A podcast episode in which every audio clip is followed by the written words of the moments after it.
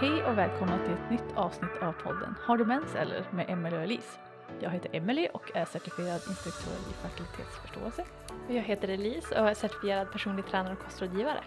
Vi driver båda våra egna företag där vi handleder och rådgiver människor online. Mm. Helt enkelt. Jajamän. Och så gör vi den här podden. Ah. Vårt hjärtebarnsprojekt. Jag, jag tänkte säga det, våra liksom love child. ja men exakt. Ja, så Okej. nu sitter vi här. Ja, Och nu- idag ska jag snacka om träning. Yay! Woo!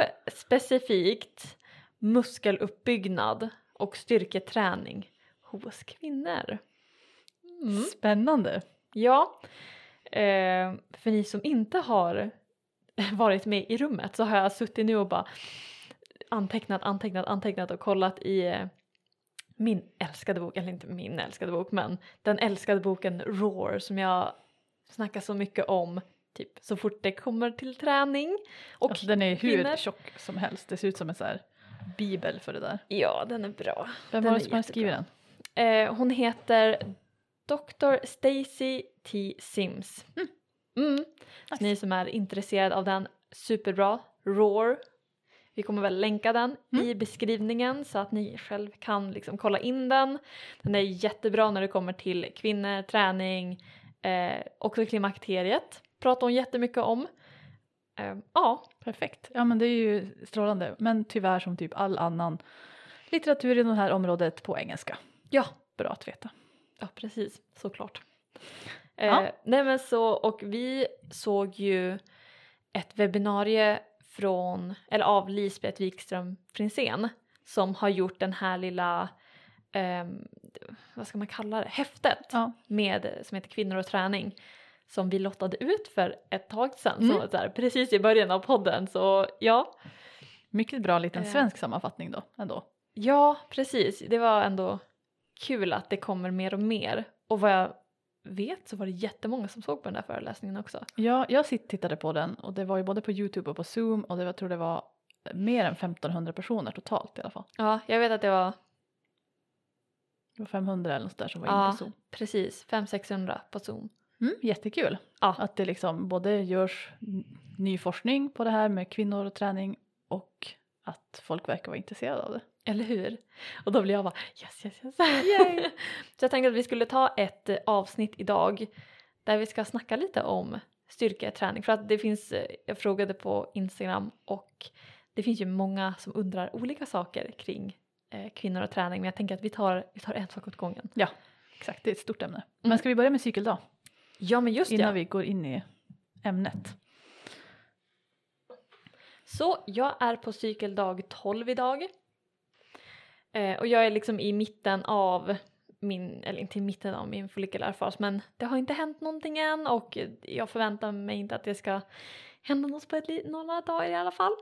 Ehm, jag känner mig bra, eller jag, jag mår bra kanske man känner. Mm. Känns att östrogenet börjar stiga lite för jag börjar bli lite mer social, lite mer hype men eh, jag har haft mycket stress och mycket annat så ja, men det känns ändå bra. Nice. Eh, jag är på cykeldag 18. Ehm, jag är rätt säker på att jag kommer få lite senare ägglossning än vanligt för att jag var, har varit lite stressad sista veckorna. Men ehm, jag har liksom försökt sista dagarna och så här, värva ner och ja men jag vet inte. För ibland kan det bli så här diffus stress för mig. Jag vet inte riktigt var den kommer ifrån. Det kanske inte är att jag har värsta deadlinen eller någonting som Mm externt pressa mig utan det kan bara bli så av en massa små grejer som inte i sig kanske är så himla stora typ. Ja, Så jag är mest bara så här, ja men vad är det som, vad är det som händer typ? Och så nu sista fyra dagarna så har jag sett fertilt sekret och så, så här toppsekret. Ehm, så jag är väldigt glad att den verkar vara på G nu i alla fall, även om Mm. det kanske blir lite sen. Ehm, så, så händer det grejer nu äntligen i alla fall, så det känns värsta kul. Mm. Ja, men så jag har liksom varit väldigt produktiv men också kanske lite haft lite för högt tempo. Men så kan det vara ibland. ja, Ja, det känns som att det, Det, är- det är så det är.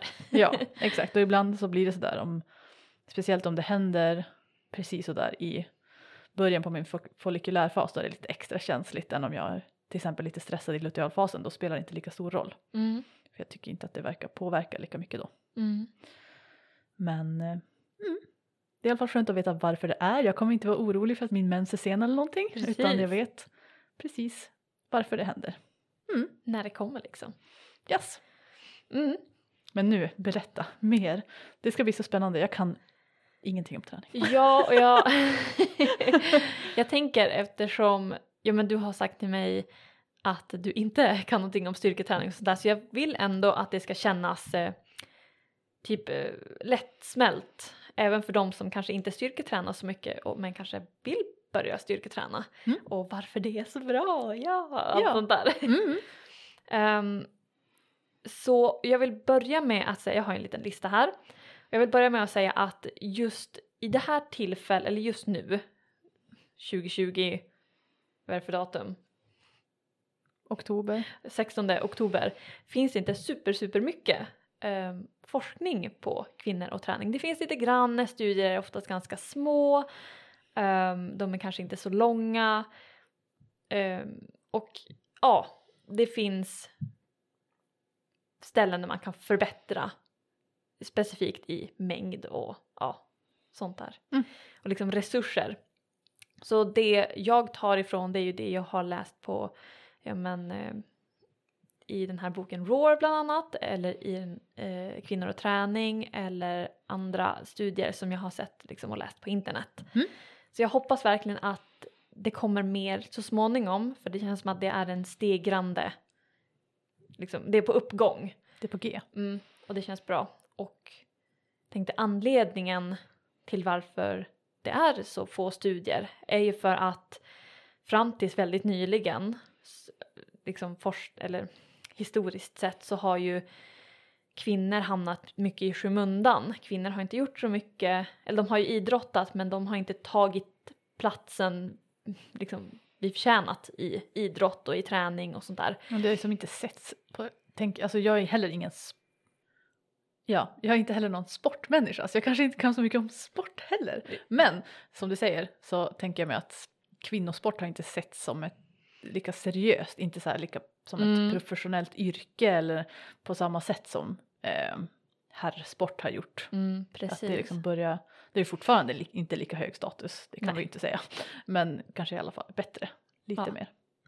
Och det är liksom, ja men hela den patriarka, patriarkala patriarkala strukturen. Jag kan inte prata idag. Det är liksom, det sätter ju män på en sån jäkla hög pedestal så det är svårt att komma upp dit. Det, det är på G eh, och det är, jätte, liksom, det är så kul. Eh, men sen också det här med att vi har så pass skilda hormonella cykler att män, men du kan ta fem stycken män, testa dem exakt samma dag och få liknande resultat med varandra. Medan tar du fem stycken kvinnor och testar dem samma dag, då får alltså du kan få helt helt skilda resultat beroende på vart de är i sin menscykel. Mm. Så det är också en anledning till att det har varit eller anledning, ja det är en anledning men inte en ursäkt till att det har varit så lite forskning på kvinnor och träning. Mm. Att de måste tajma det på ett helt annat sätt och eh, kanske göra det under längre perioder och ja. Och det kostar mer pengar och det är svårt att få pengar för Mm. forskning.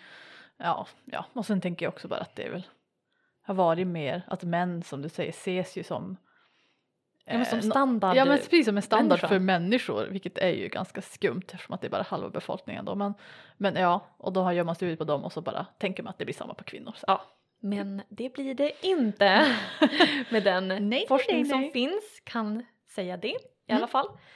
Ehm, så ja, och ja men som en liten segway till varför det inte har gjorts någon så mycket forskning på kvinnor till ja men varför det är skillnad mellan kvinnor och män.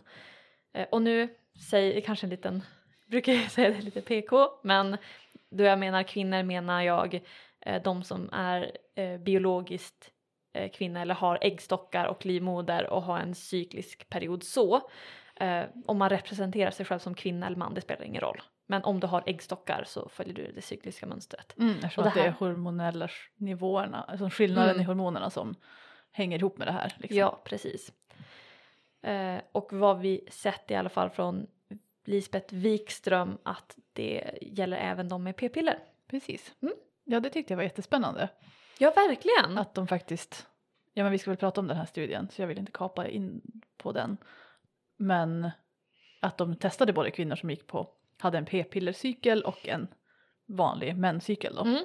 Eh, och att i alla fall då i styrketräningsväg, eller om man ska säga prestation, Ja. så var det ingen skillnad på p-pillercykeln Mm. eller menscykeln. Mm. Så det var ju spännande tyckte jag. Ja. Eftersom att det är ju faktiskt olika hormonstatusar på de två Ja, cyklerna eller Mm. vad man ska kalla dem. Så. Eh, ja, men och när det kommer till de här hormonerna som blir skillnad, det är att ett, män har ju otroligt mycket mer, eller otroligt mycket, men de har väldigt mycket mer testosteron än vad kvinnor har. Och testosteron är ett anabolt eh, hormon. Ett, eh, om jag säger anabolt så menar jag uppbyggande. Jag ska försöka använda uppbyggande istället, men så ni vet. Mm. Um, medans vi kvinnor har, ja, testosteron med mycket mindre mängd. um, och vi har även östrogen som, det är lite så här mm, tvetydigt på östrogen tycker jag för i liksom vissa resultat så verkar det som att östrogen är ett anabolt, ett uppbyggande hormon som kan hjälpa till vid muskelökning eller muskeluppbyggnad. Medan eh, eh, viss annan text ser på ett högt östrogen som inte katabolt, alltså nedbrytande, men det som att det förhindrar uppbyggnad. Så det är inte anabolt, det är inte katabolt utan det är bara Blockerande. blockerar typ. Eh, så jag vet inte riktigt hur det kommer se ut. Vi, som sagt, vi behöver mer forskning för att typ veta exakt. Men det är så det ser ut just nu. Men vi tänker, eller jag tänker att just nu för den här podden så tänker vi att det är uppbyggande östrogen alltså. Ja. Eh, och sen har vi progesteron som är katabolt nedbrytande. Och det är liksom typ ingen inget velning på Nej, att progesteron är nedbrytande utan det, det typ vet de. Men vad, alltså jag tänker så här, nedbrytande låter ju jättedåligt. Ja, Alltså det låter ju som att då vill man inte ha progesteron. Alltså även fast jag vet Mm. att progesteron är bra för jättemånga saker. Till exempel typ vi säger benhälsa och sånt. mm. Men det låter ju konstigt om ett hormon som är nedbrytande. Fast det kan ju såklart agera på olika sätt. Men du fattar, det känns Ja. lite skumt. jo men jag förstår hur du menar. Och det är väl, ja, jag vet inte vad man ska... Jag tror det är för att, Alltså det är muskeluppbyggande du Precis. pratar om. Det är inte ja något annat. Det är Eh, inte nedbrytande rent allmänt typ. Nej, utan det när det kommer till att bygga muskler. Att få ökad muskelmassa, att kunna prestera genom att lyfta tungt, att eh, ehm, ha uthållighet och sånt där. Så det är inte att det är nedbrytande i andra anseenden. Typ att cellerna Ja. bryts ner. Nej precis, utan äh, progesteron är ju jättebra i sådana fall. Ja, för liksom okej. hälsan, det är både antiinflammatoriskt och lugnande och jättemycket bra grejer. Men just för muskeluppbyggnad är det inte nice. Just det. Ja men vad bra. Ja, då är jag Mm. med. Yes, det är väl det som är den största skillnaden. Att män inte har, alltså de har mycket mer uppbyggande testosteron och typ knappt någon nedbrytande. Medan vi har väldigt mycket nedbrytande, alltså vi har ett hälften av vår, eh, vi säger en klassisk 28 dagars cykel. Ehm, så är ju hälften av det i ett mer nedbrytande stadie. Muskeluppbyggnad sätt. Just det. Ja, Och sen om nu östrogen också var lite sådär, man vet inte riktigt. Då är det ju som Mm. att vi har inte ens, alltså det har ju inte lika stark effekt som testosteron då. nej I precis. uppbyggande väg så att vi Mm. har ju som den biten också. Mm. Jaha, Ja, så det, men det, är känns ju också rimligt. Jag menar, det, det måste ju finnas en anledning till att män kan bygga muskler så mycket enklare än kvinnor. Mm, men precis. Ehm, jag vet att i den här boken Roar så tar hon upp lite om eh, ja, men män och kvinnor. Bara, men är kvinnor verkligen svagare än män? Och om man ser till, du vet, en man och en kvinna står bredvid varandra. Så ja, män är väldigt mycket starkare för att dels de har större organ, alltså de har större hjärta, större lungor. I, nu pratar jag i allmänhet. vilket gör så att ja, men, större hjärta och större lungor ger mycket bättre syresättning till muskler. Vilket gör så att eh, musklerna får mer liksom, power, om man kan säga det enkelt. Mm. Um, Medan ja, men, kvinnor som har mindre lungor, mindre hjärta, då måste kroppen arbeta mer för att få ut samma um, effekt, alltså samma liksom styrka, samma samma, power Ja. liksom. Ja. Eh, Men vad som var intressant som man har skrivit om är att då man tar styrka relativt den fettfria muskelmassan på kroppen eller kroppsmassan så försvinner den skillnaden. Jaha. Så det tycker jag var så jäkla coolt. Ja. Vi kvinnor har ju mer fett på kroppen för barnafödande och allt sånt där. Men Bra liksom grejer att ha. tar bort de variablerna och bara kolla på power jäm, liksom, versus eh, lean muscle mass. Mm. Nu försöker Alltså jag bara muskler liksom. Ja, Mm. så är det typ ja, skillnad 2 procent eller ingen procent, vilket är typ Ja, det är så lite så att det märks inte. Så det är jäkligt coolt så att vi är inte liksom tekniskt sett i muskler svagare än män. Hör, där hör ni! Mm, precis, utan det handlar bara om att Men Vi vi har en annan kropps... olika. Ah. Kop, vad heter det? Composition? Eller Ja, alltså komposition, precis. precis. Ja. Coolt. jätte, jättecoolt. Ja. Och då är väl frågan, så här, the million dollar question, att men, när ska vi träna styrka då? ja. Hur ska vi träna styrka? Mm. Hur känns som ett du bra bara första steg. jättegärna, tack tack. Bara så här, när, ja sure, men bara but how though? ja. jag tänker, jag, jag kommer ta det. Jag tar det sist. Ehm, men för eh, man kan såklart träna vad som helst, när som helst, om man vill det. Det, inte, alltså det ska inte kännas som att man måste bli begränsad.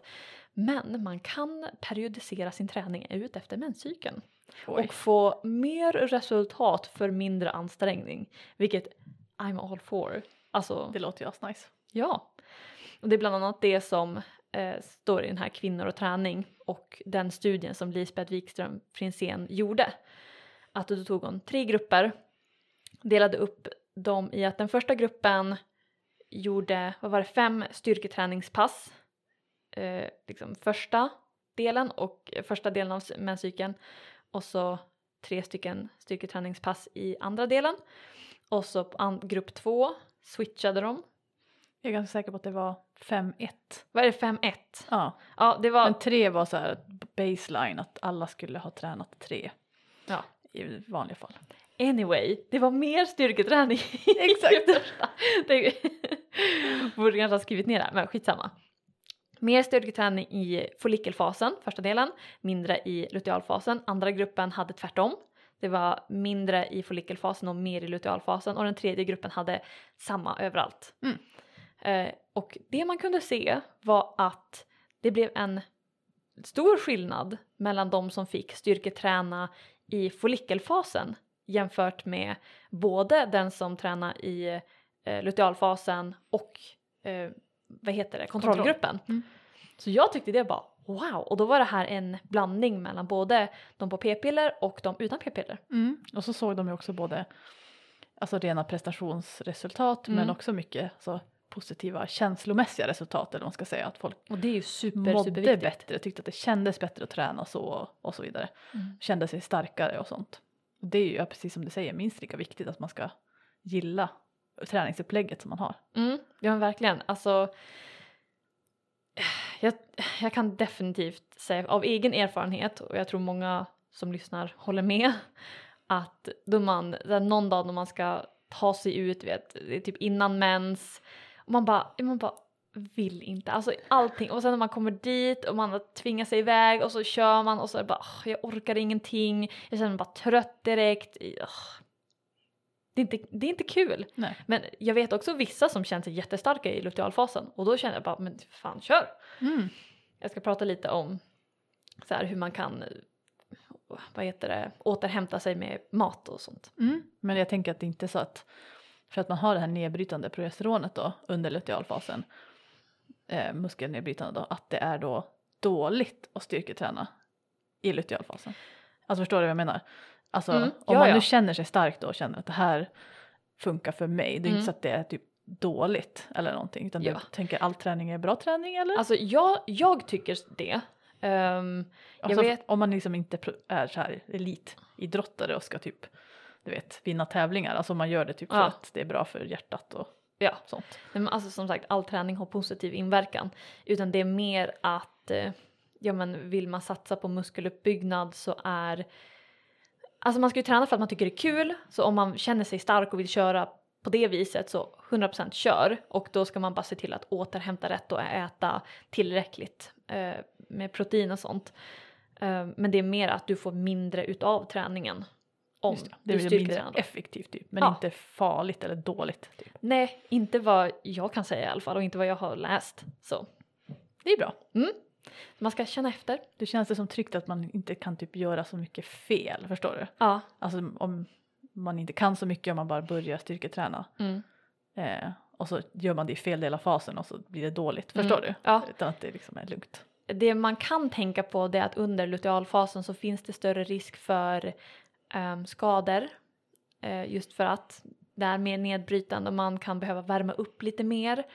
Ehm, man kan också, för många, de som upplever PMS eh, har också blivit visat att de har sämre balans under, alltså balans och koordination under eh, den fasen. Så det är också en sak att tänka på så länge man har det i tanken om att okej, jag ska vara extra noggrann med att kanske inte köra direkt på det tyngsta utan jag ska um, ja, men, göra övningarna väldigt korrekt och jag ska tänka på att hålla liksom, hållning och ja. Mm. Så, så länge man gör det så är det, ser jag inga problem med Ja, precis. Det är ju som det som jag tänker hela den här grejen handlar om egentligen är ju fertilitetsförståelse. Det är ju en del av det. Att Mm. så här, ja men ha förståelse för sin kropp och veta att ja men då kanske man lättare kan känna att det är okej att jag inte tar ut mig lika mycket eller klarar lika mycket nu för att det är ju Precis, det är den här det fasen jag är känner. i liksom. För jag tycker det är jätte, jätteskönt att kunna gå in och bara, men vet du vad, jag är sugen på att styrketräna. Um, men jag vet också att jag är i luteala fasen så blir liksom, och sen känner jag efter, bara, men jag behöver inte döma ut mig själv för att jag inte orkar lika mycket som jag gjorde två veckor tidigare. Vet, två veckor tidigare, då kanske jag tog PB i någonting eller att jag orkade ta jättetungt i den för att jag kände mig stark och typ, typ. och sen så att jag kommer nu och bara, men jag är sugen på att styrketräna men jag orkar inte ta samma vikt. Bara, men, nej, men det är okej, det, det är lugnt biologiskt sett så är jag inte gjord för det helt Alltså, det är enkelt. så om man himla säger så. coolt. Det är, så, himla coolt. Jag orkar inte. Jag tycker, det är det som är meningen, att du ska få förståelse, du ska inte känna dig liksom konstig eller liksom off för att du är i en annan del av din cykel. Bara, oh my god, jag orkade det här förra veckan, varför orkar jag inte nu, varför är jag så svag? Och, alltså att man får förståelse, bara, men det är okej. Mm. As, nice. Mm. Eller hur? Ja. Så ja, jag rekommenderar att man försöker satsa på styrketräning i första delen av sin cykel och fokusera mer på återhämtning, eh, LIS, alltså lågintensiv konditionsträning. Eh, eller yoga, stretching, whatever, liksom sånt under lutealfasen. Lite mer eh, pulshöjande. Jag, kan, jag tänker att jag i något annat avsnitt går in lite mer på eh, förbränning och sånt som händer då. Mm. Men vi har lite om det i förra avsnittet så, som heter typ menscykeln och träning. Så gå in och lyssna på det ifall ni är intresserade. Nice. Ja, Styrketräning då, men då om, om man inte gör någon styrket om man inte gör någon styrketräning då, då får jag vila hela cykeln. Ja, eller hur? Eh, då så här har jag gjort en så här liten nybörjarstyrka, det är så här Yay. Iber basic.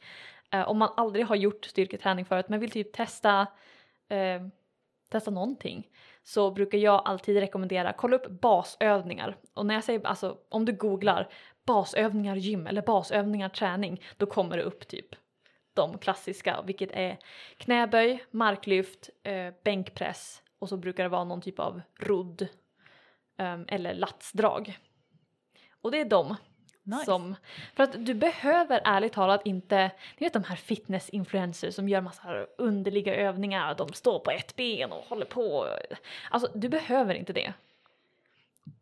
du kan bara köra basövningar typ hela livet och ändå ha en liksom bra bas. En bra bas, men ni förstår vad jag menar. En bra grund. Ja. Ja, det, det låter ju enkelt och bra. Mm. Så man behöver inte göra något superfancy och man behöver inte vara på gymmet i två timmar. Du kan vara på gymmet, alltså jag brukar säga att en timme max. Om du ska köra över en timme, det är liksom det är inte värt om du bara är en så här eh, jag vet att det kallas motion, alltså vanlig motionär och elitmotionär. det blir ju lite annat. Men eh, alltså, du, du ska inte behöva känna att du måste vara där så länge. Jag tycker typ 45 minuter, det är det man kan köra på. Och jag menar om man kör de här basövningarna, eh, vilket är ungefär 5-6 stycken säger vi. Det typ tar en timme och sen så är det dagen och så är det klart. Klart! Mm. Och när vi kör de här basövningarna brukar jag rekommendera att man kör repetitioner 10 till 15. Um, just för att det är så här ganska bred grej och om du tar exempelvis 3 kilo under en, liksom, eh, ett set på 10 repetitioner. Då kör du liksom, ja men 10 gånger 3. Du kör det här 3 kilo 10 gånger. Um, och sen nästa gång då kanske du kör 3 kilo gånger 11 i tre set. Mm. Så det är så man liksom ser en förbättring. Så jag brukar alltid... Man måste inte lägga på mer vikt för att Nej, man kan göra fler reps också. precis, Mm. precis. Um, det är därför jag säger 10 till 15 för att när man kommit över eller till 15 gränsen då börjar man gå upp till mer eh, uthållighetsstyrka. Det är inget fel med det, jag brukar köra det mer under lutealfasen. Eh, så det finns en tid och en plats. Eh, men om man vill öka i styrka så rekommenderar jag att ah, okej jag har kommit till 15, eh, jag byter min 3 kilos vikt till en 4 kilo eller till en 5 kilo. Och så kör man 10.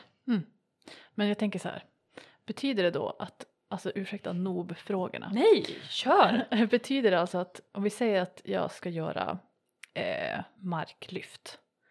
Då, Ja. Och så vet jag inte alls hur mycket jag orkar lyfta. Jag vet inte vad som är rimligt överhuvudtaget. Då bara laddar jag på någonting. Jag kan ju läsa på nätet såklart efter något Mm. som verkar rimligt. Och så ser jag om jag klarar, eh, men se- klarar jag bara sju då Mm. har jag för tungt. Då ska Ja. jag bara ta bort lite vikt. Då klarar jag 20 då kan jag ha på mer vikt. Alltså Mm. då får man bara testa så typ eller? Ja.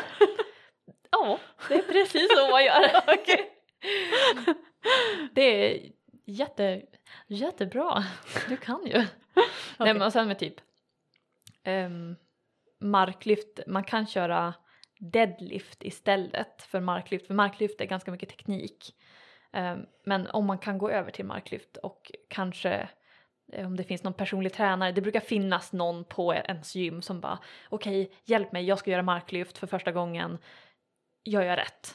Typ eller bara jag vill börja styrketräna, jag vill göra basövningar. Kan du visa mig allt en gång så jag Ja. det i alla fall. Det är liksom kör och att investera i det en gång, det är så värt. Just för att du får så otroligt mycket av bara de där övningarna. Nice. Mm. Och då tränar man samma sak varje gång man går till gymmet eller gör man? Om man vill, alltså om man vill ha det super super enkelt, du gör ett pass och sen liksom, alltså ett helkroppspass och sen kör du på det. Det låter som att något för mig. Mm. det Men inte vara så svårt. Ja, nej, men det behöver inte vara jättesvårt. Och, ja, men om man vill spice upp det, ja, men lägg in någon magövning. ehm, och sen så finns det ju, alltså de här basövningarna är ju som riktlinjer. Att härifrån, det är huvudvägen. Sen finns det alla de här sidospåren och sidovägarna som är fortfarande basövningarna men de bara ser lite olika ut, de tränar lite olika muskler så ja. Just det. Spännande. Ja, Det låter ju görbart, tänker jag. eller hur? För någon, jag har typ på riktigt gymmat fem gånger i hela mitt liv tror jag. Darling. Du bara lilla vännen. Vad vi? Nej. typ. Jag gör bara din lutealfas rekommendationsträningar. Det är Mm. mitt liv. Det går det Jag har överlevt än så länge. Ja.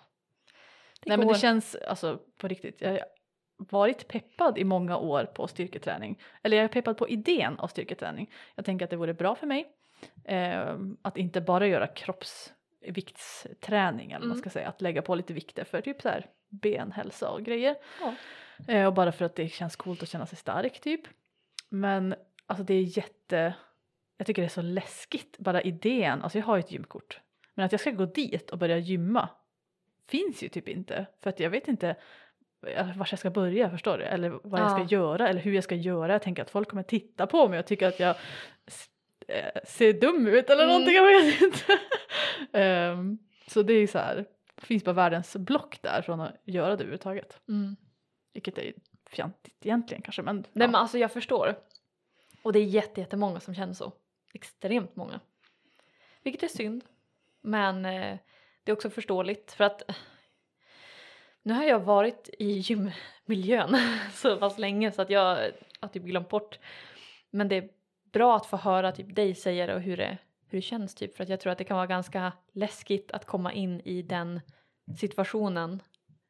Den här gymbro-miljön ja exakt. om man aldrig har varit där tidigare.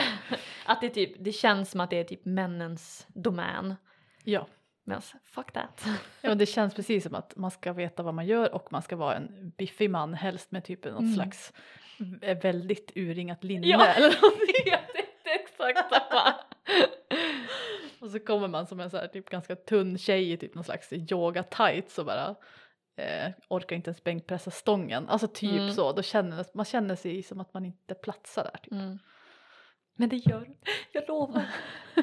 Men det är ju så här bara, man får ju bara strunta i vad andra tycker och köra ändå. Mm. Men eh, Det är det som är att om du går till gymmet och det är någon som typ bryr sig om att du är där, då antingen har de inget liv eller så har de inget liv eller så har de inget liv. Ja men det är typ så.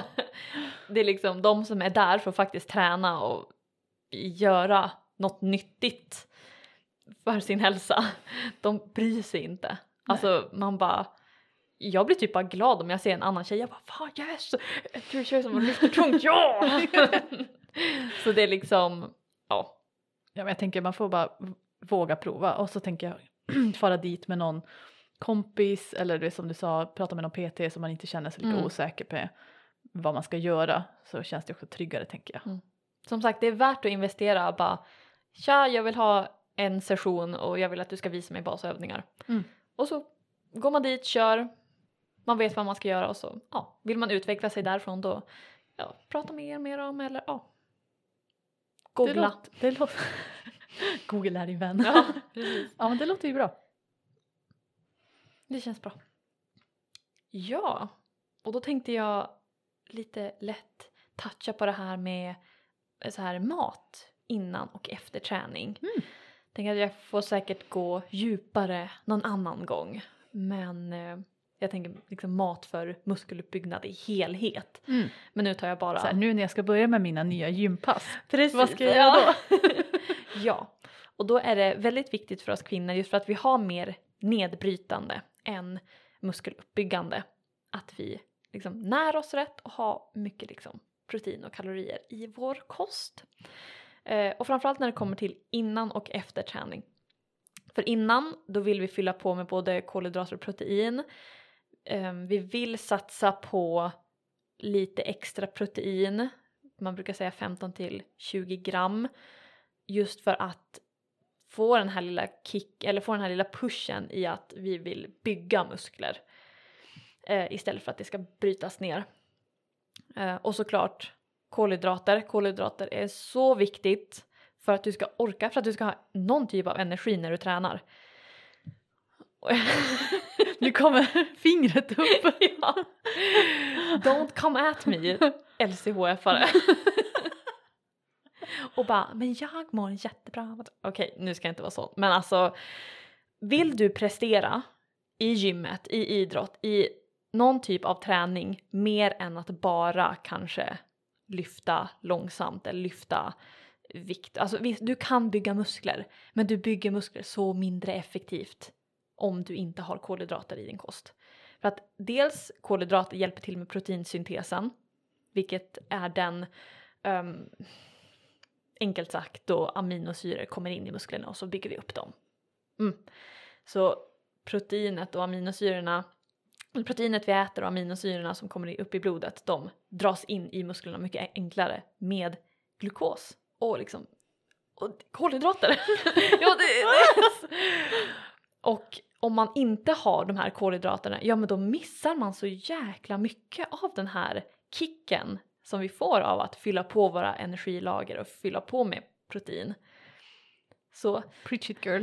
don't come at me! ja. Sedan så, man kan ju såklart, men nu, nu håller jag det basic annars kan man ha en hel diskussion om vad man ska nej, äta under tiden man tränar. Men vi säger att det är en klassisk träning Jag har på- aldrig förstått det, att äta medan jag tränar. Men ja, Ja, nej men det är de som elitnivå, de som tränar mer än typ två timmar eller de som har väldigt högintensivt och ska hålla på längre. Ja. det låter ju rimligt. Mm. Eh, men sen efter styrketräning, då är det också väldigt viktigt att fylla på och specifikt, för jag vet att eh, både, jag tror det är lite gammal forskning men också ny forskning säger att under i alla fall en timme efter träning så kan du fylla på och det är inte någon fara om det går lite längre tid.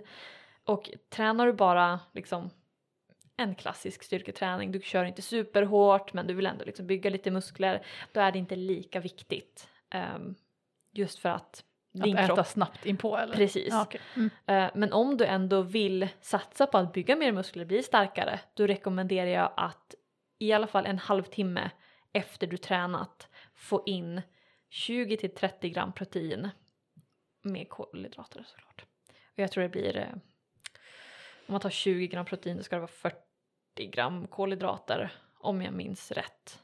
Det ska vara ändå en, liksom, en måltid. Men alltså jag tänker bara, alltså om du säger så många gram protein så säger det mig ingenting om vad, Inte alltså, mig heller. Nej. alltså så här, är det typ en banan eller är det typ eh, en eh, halv tofu block? Alltså fattar du liksom hur, eh, hur mycket, Eh, alltså, alltså jag fattar Ja. att du inte kan säga Ja. exakt men det är jättesvårt att är det säga. liksom bara en liten liten eh, mellanmål eller är det mer som en typ halv middag? Eller en hel middag, fattar du? Mm. Ehm, vi säger typ en, oh, en barbells ett proteinshake. Mm. Den har 20 gram protein i sig. Mhm. Så den plus, jag, jag vet inte exakt hur mycket, vänta lite, låt mig googla. Så det är eh, 23 gram kolhydrater i en banan på 100 gram. Ah, Nej men en barbell shake, 20 gram protein där exempelvis och whey-protein är jättebra. Mm. Och en banan här 23 gram kolhydrater per 100 gram. Eh, och men i alla fall i den här boken Roar så rekommenderar hon att fokusera på kolhydrater som innehåller mer glukos. Mm. Ehm, och mindre så fruktos. Just för att eh, glukos går direkt in i cellerna och i musklerna. Så typ potatis, majs, sötpotatis. så sånt banan passar. innehåller mer fruktos då antar jag? Ja precis, den innehåller glukos men eh, mindre så. Men om man, jag tycker banan är asnice att ta efter träning så och jag är också en så här vardagsmotionär typ. Ja. Så om man inte... Men det låter ju som att det är Ja. mer så här någon slags eh, rejäl macka och något sånt in, Mm. som gäller typ. Ja, det ska ändå vara ett, en, ett mål mat. Mm, inte bara en banan liksom. Inte bara en banan och inte bara en bar liksom. Nice. Och Så det, viktigt att äta både innan och efter alltså. Ja, och inte, för just när det kommer till många som tycker om att, alltså såklart, tycker man om det, en helt annan grej, men rent liksom muskeluppbyggnadsmässigt, att typ fasta, alltså träna på fastande mage, det är inte särskilt gynnsamt för kvinnor just för att det höjer kortisolet ganska mycket. Ehm, och kortisolet är mer fettlagrande och mindre så uppbyggande för muskler. Och stressande Och jag stressande också. för kroppen. Så snälla, och men, för jag vet att vissa har inte så mycket aptit på morgonen så, och så ska de gå och träna. Men ta en banan, ett ägg, bara liksom någonting som Eller typ träna på kvällen istället. Eller går någonting. också. Bara så att du inte är fastande. Så får du mer utav träningen. Just det. Mm. Det enda som jag vet är att, eller jag har upptäckt att eh, löpträning för mig funkar mycket bättre på kvällen. Mm. Och helst sådär kanske eh, två tre timmar efter jag ätit middag i alla fall. Mm. Så jag brukar inte vilja träna ehm, Alltså jag kan träna på morgonen också och så vidare men jag, det, det känns mycket lättare och bättre på Mm. kvällen och helst om det har gått någon timme sedan jag åt. Mm. Ehm, inte för att jag inte kan äta typ en banan eller någonting innan men i alla fall liksom typ stora måltider. Mm. Så det är lite spännande ändå. Både så här hur det känns med energi och ja men också typ hur bra man presterar. Mm. Det ändå hänger ihop med typ vad man äter och när och hur mycket och grejer. Mm, precis. Och när det kommer till typ när ska man äta innan man tränar. Det kan ju vara allt ifrån en halvtimme innan eller man brukar säga typ en halvtimme 45, min- oh, en halvtimme 45 minuter. Eh, bara för att mm, och då tänker jag så här snabbt bara för att fylla på. Mm. Men jag tänker att det är, jag tänker löpträning är ju som en det gör det så stor skillnad hur det känns i kroppen när man ska Precis. springa. Ja, jämfört med styrketräning kanske det är och sen om du har haft sak. en jättestor middag till exempel eller jättestor lunch och bara nej men jag är inte hungrig än och jag känner mig pigg för oftast eh, man kan ju känna av den här sakta men säkert att det blir lite mindre energi när man närmar sig hunger. om, i alla fall, du gör det. gör det. jag gör det. Men det är liksom, ja men om du har testat, ja men det var två timmar sedan jag åt middag men jag springer jättebra då, ja men kör. Mm. Då är det liksom, ja it's fine, it's fine. Yes. Jag lovar. Så länge det känns bra i kroppen. Mm. Ja, jag tänkte bara en liten notis om soja, i alla fall som hon pratar om i den här Roar-boken som jag tyckte var intressant. Eh, just för att so- soja tycker jag är ett bra liksom, alternativ till eh, för att fylla på med protein. Men just i muskeluppbyggnadssyfte så har soja ganska lite av ehm, ett, ehm, en essentiell aminosyra. Ja. Nio stycken essentiella. Det finns eh, en som heter BCAA som är Branched Chain Amino Acids och det är tre stycken eh, som är liksom jättebra för muskeluppbyggnad. Och eh, en av de här aminosyrorna är leucin och soja har inte jättemycket av leucin i jämförelse med typ whey-protein, alltså vassleprotein. Så det är någonting man ska tänka på att du behöver äta väldigt mycket sojaprotein eller tofu eller ja, något sånt där för att komma upp i samma mängd eh, leucin vilket är viktigt för oss kvinnor att få i sig eftersom som jag sagt att vi har mer nedbrytande än uppbyggande. Så då är det viktigt att få i sig de eh, liksom, aminosyrorna, de där eh, branch chain, BCAA. Mm. Jag tänker liksom att det är väl i alla fall en standardrekommendation i alla fall som jag har läst och som jag hör många andra, alltså när man inte äter några animaliska proteiner, Mm. att det är viktigt att inte bara välja en växtbaserad eh, proteinkälla Mm.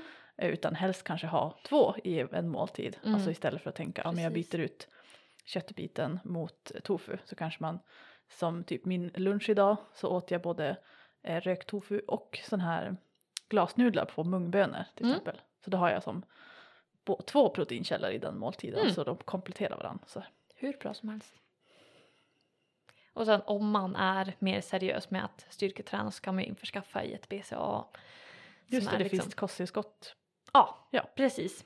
Och då är det bara ett pulver som oftast har någon söt sliskig smak. och det är jättebra om man känner att, ah fan, jag vill, jag är typ halv, jag brukar göra så. Man behöver inte BCA om man inte vill.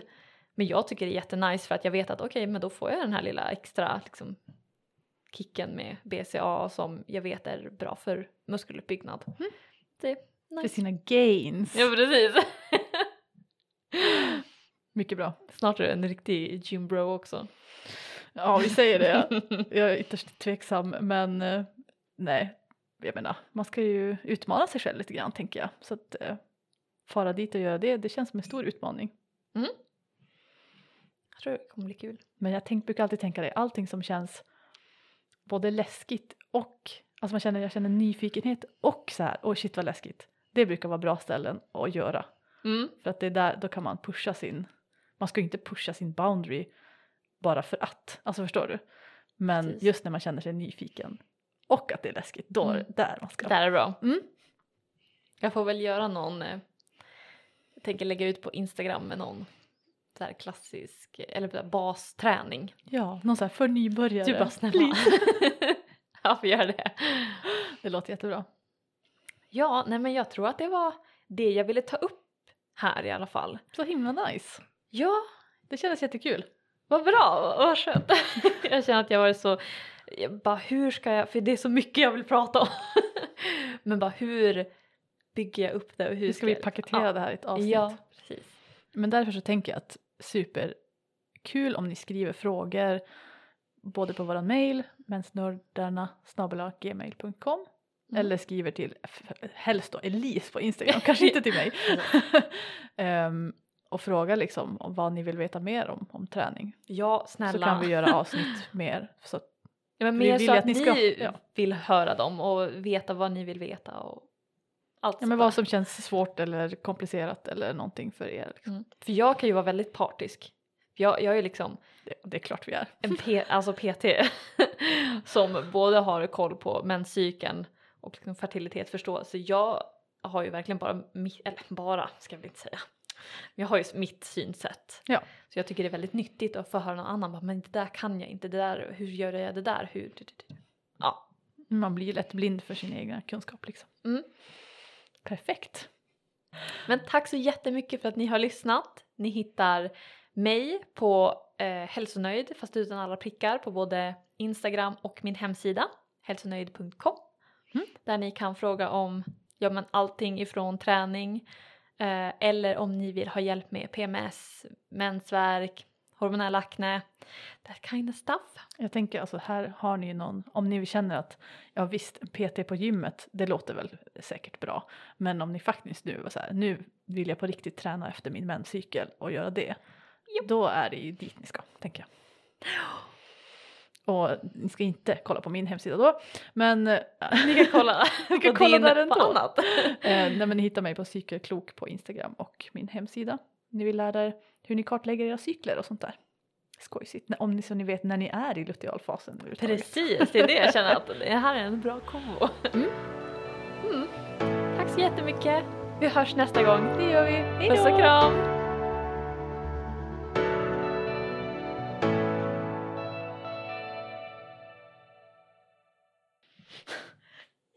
Alltid den här dansen. Kleopatra-dansen. Ja, det känns alltid lika bra.